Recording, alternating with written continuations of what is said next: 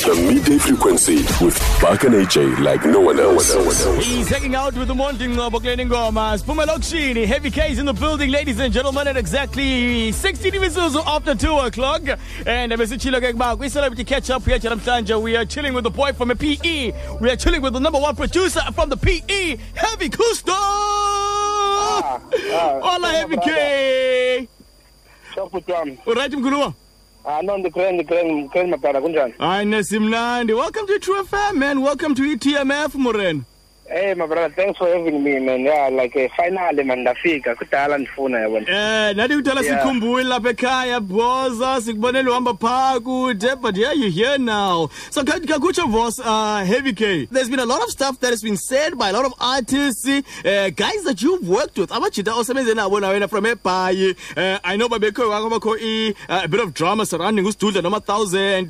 Abantu abafana nojojo nabo and a lot of the movement from bana pe besithi ukuba heavy k is not giving back he's not leading he's not being like utira at durban what are your thoughts on that my man Uh, actually, my, my take on that, uh, first of all, you know, uh, uh, uh, nobody is forced to, to do anything, yabona, because it depends on the individual, you know. So, first of all, what I want to make clear, people must stop thinking that because of Heavy K, he comes from PE and he made it, you know, and all of that.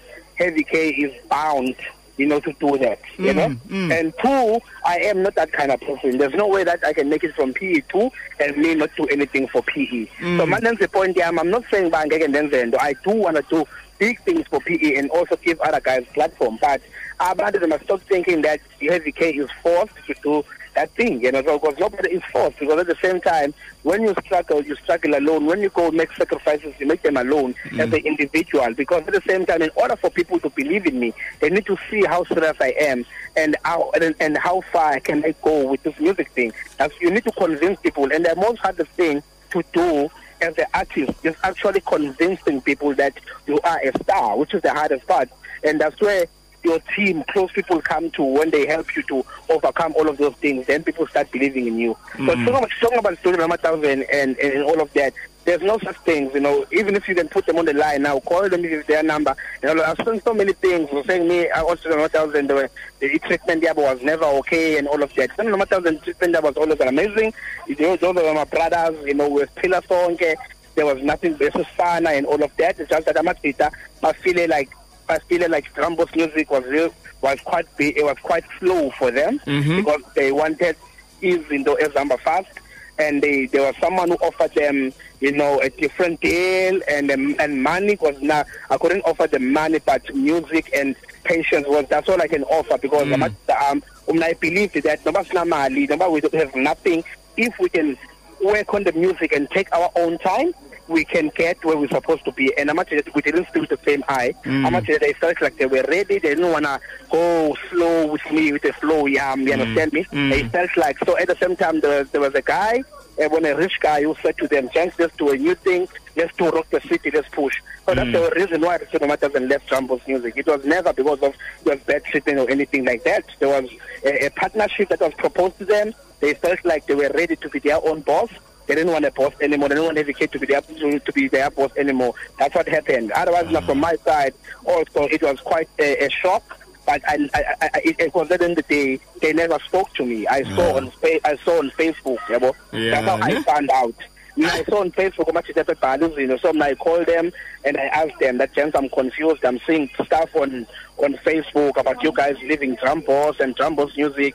You've been a middleman who's stopping you from reaching your dreams. What's going on? Yes. ah, yeah, yeah, you understand me? Yeah, they were writing those kind of things, you know. So, um, for me, for me to find out on Facebook, that's what hurt me the most. It was not the decision because I can never stand in front of a Machita. Machita can feel, but Heavy K is actually maybe they felt like me and them we're on the same level, so they don't need me. Maybe they need someone who's bigger than me. Then that's hmm. how you understand me. But for hmm. me to find out on Facebook, at least much that they should have called me or they should have SMSed me. But Kusta, hey, my brother, we can't do this anymore. You know, as someone that is because uh, I've been working on Student Thousand for three years.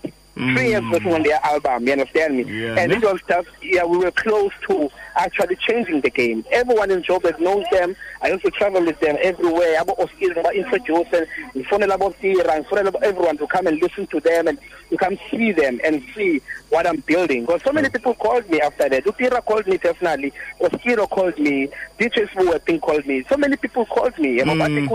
Please do not let these guys steal your artist away from you. You know, do not let them steal you because steal them because you guys, man, no Oskido call. I think, Yeah. please, man, can you please request a meeting with you and Studio Thousand? Because you know we were watching you growing these guys from nothing, and now why would would you guys throw this thing away? Yeah. Even Tira personally, Tira that people compare me with called me. Was like, it was like, Kusta, you did a great job. The Yeah. fact that I know Number Thousand and I expected them to take over the game, it was like you were doing something right. Yeah. Can't you guys find a common ground and speak? You know. So for me, when I got money, it's just that for now, I'm not in a platform in terms of actually also even financially.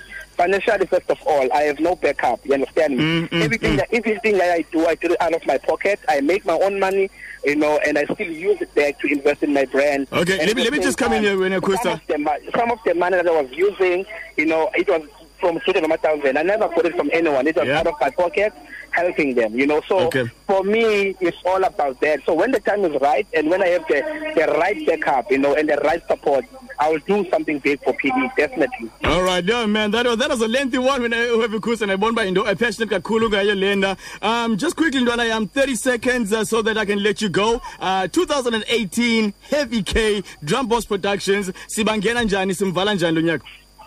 Hey, hey, man, you know, actually, have so many big things uh, happening actually here. Uh, and uh, I I got, I got uh, uh, talking about my album, I got people like Sean Paul, Wizkid, What? Niniola! Diamond Platnumz, you know. So Davido, you know, so Oh, it's a big album, and then obviously Nabobu Sigenokwazi, Java, Cassper Nyovest, you know, eh, and and and and and and, like, and also up, the new upcoming artists, also my fiance Ndombi, Ndovukazi, uh, the Equalizer, you know. So yeah, man, I think it's gonna be a great year, and at the same time, I'll be doing my live re- uh, recording, TVT recording this year. You know, Nice, man. performing all my greatest hits. You know, yeah. So I think the year actually is looking very good. And also in the first week of March, I'm doing my first tour in LA.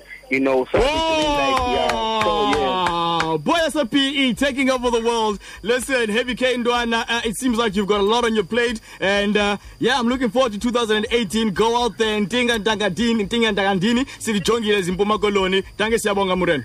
Uh, no, thank you for that, man. Thanks man for the platform, my brother.